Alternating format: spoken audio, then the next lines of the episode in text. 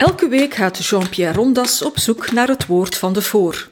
Hij analyseert het woordgebruik van journalisten, politici en opiniemakers, wikt en weegt hun woorden en ontmaskert bedrog. Edelachtbare, hier zitten ze dus op het bankje, onze twee livestreamende communicatiewetenschappers, professor Frederik en assistent Christophe, tot voor kort werkzaam aan de Universiteit Gent, waar ze ontslag hebben moeten nemen omwille van wat ze die fameuze nacht hebben uitgespookt. Nu moeten mijn cliënten omwille van diezelfde feiten nog eens voor u verschijnen, edelachtbare. De feiten ontkennen ze niet. Ze hebben inderdaad acht politieagenten fascisten genoemd. Volgens hen was de manier waarop die agenten daar stonden te staan al voldoende om van fascistisch gedrag te spreken.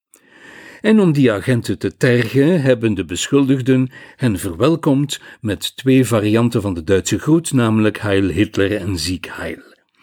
Ze bestempelden de agenten dus als nazi's en nadien ook als Stasi, raar maar waar.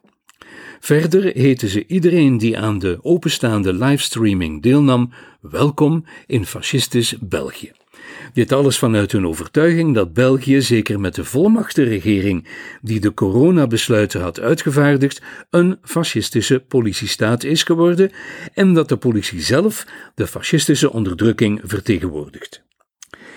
Het zal u misschien verbazen, edelachtbare, dat ik zelf nog twijfel of ik nu verzachtende omstandigheden dan wel om toerekeningsvatbaarheid zal pleiten.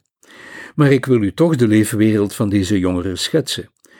Mijn interpretatie daarvan bevat twee delen. Ten eerste, zij leven in een antifa-sfeer. En ten tweede, zij leven ook nog eens in een gamewereld, totaal van de realiteit afgesloten, maar innig verbonden met de voornoemde antifa-sfeer. En daarmee wil ik ook beginnen. Wat doet, edelachtbare, wat doet een fellow traveler van de Antifa-beweging? Ik zal het u zeggen. Wat de Antifa-mens doet, is fasciseren. Men maakt van iemand een fascist. Van wie? Van andersdenkende politieke tegenstanders, ordehandhavers, kortom van iedereen wiens mening of levenswijze niet welgevallig is aan de Antifa-mens. Fasciseren is ook erg handig. In dat ene woordje fascisme is een hele maatschappijanalyse vervat. Het is als het ware een tuyau voor een examen. Onthoud je dat ene woord, dan heb je het hele curriculum beet. Waar hebben de twee jongeren die hier voor u zitten dit nu geleerd? Ik stel hier dat ze dat meegekregen hebben van hun proffen, van politici, van historici, van PvdA'ers, CD&V'ers, VLD'ers, van socialisten en communisten en vooral van groenen niet te vergeten, van kranten en tijdschriften en boeken en wetenschappelijke publicaties. Al deze personen en instellingen moedigden hen daartoe zelfs aan. U vraagt me om voorbeelden, edelachtbare. Zeer terecht van uwentwege. Daartoe heb ik ook deze stapel dossiers hier meegebracht die u rustig kan doorbladeren. Ik vermeld slechts enkele casussen, een greep uit de vele.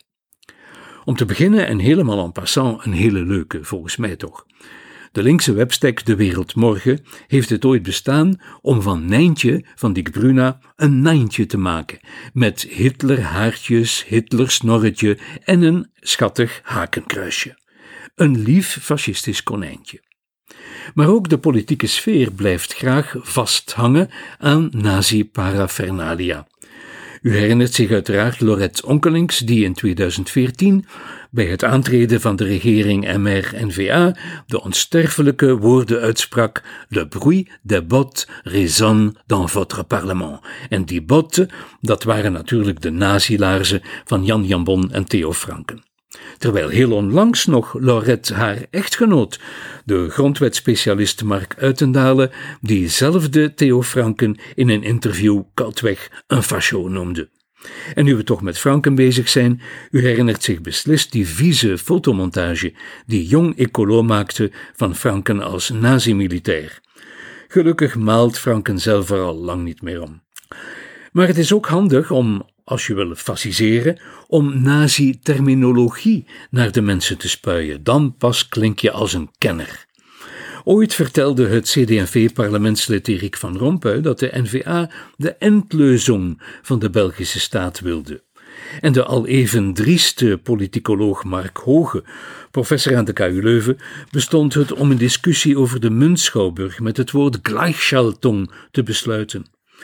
In de Wereldmorgen had de huisfilosoof het over das gesunde Volksempfinden.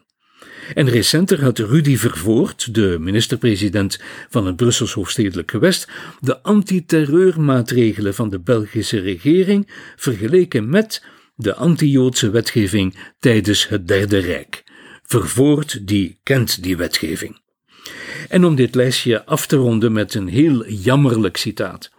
Toen Bart de Wever betreurde dat de CD&V'er Steven van Akkeren als minister van Financiën ontslag moest nemen, hij was volgens de Wever immers een eerlijk man, en daarom betreurde de Wever dat, toen tweette het Limburgse Europarlementslid Ivo Belet de al even memorabele woorden, ik citeer, dit roept het beeld op van nazi's die de Joden op weg naar de gasoven nog snel een opmonterend schouderklopje geven.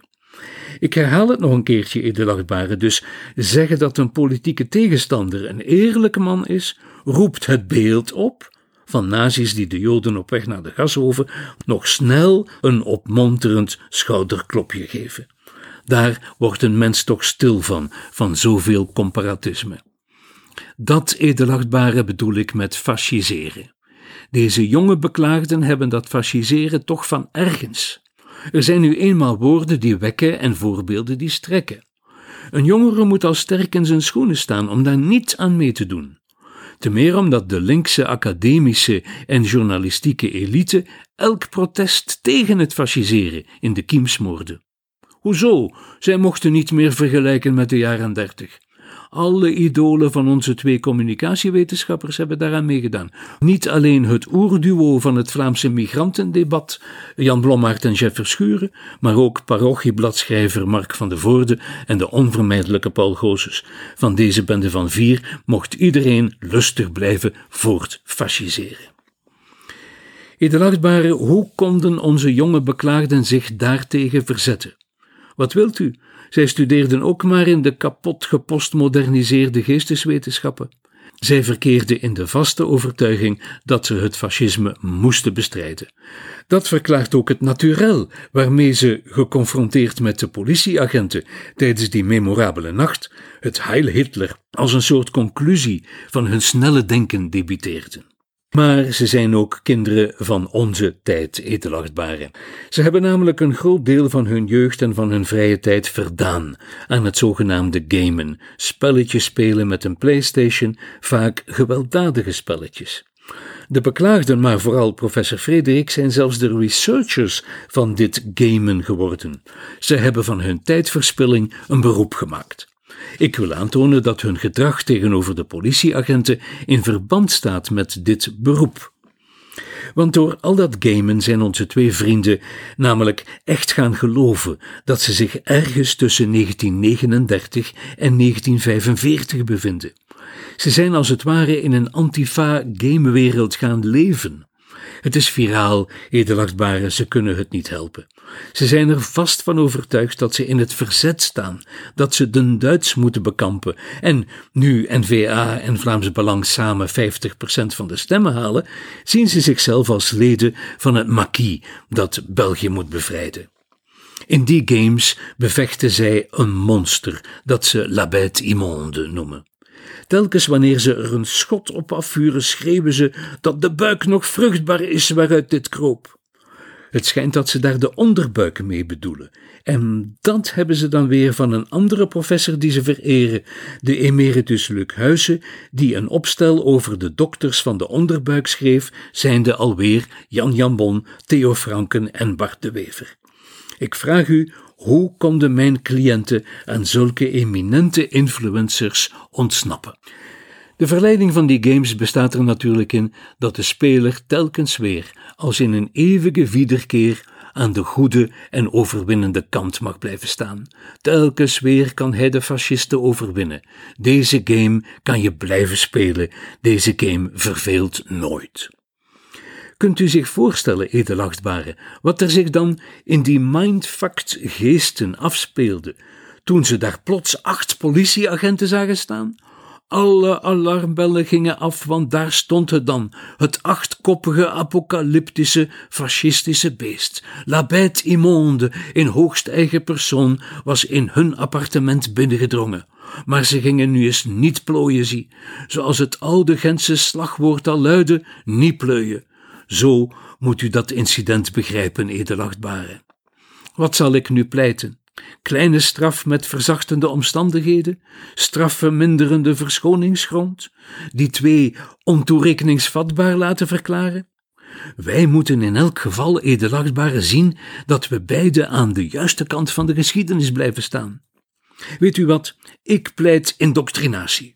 En u verbiedt hen levenslang, al was het nog maar één game aan te raken. En dat ze snel een baan zoeken in de reële wereld. Dat zal hun mind nog eens fucken. Dit was een episode van Doorbraak Radio, de podcast van doorbraak.be. Volg onze podcast op doorbraak.be/slash radio of via Apple Podcasts, Overcast of Spotify. Bezoek ook onze website op doorbraak.be en steun ons door een vriend te worden van Doorbraak.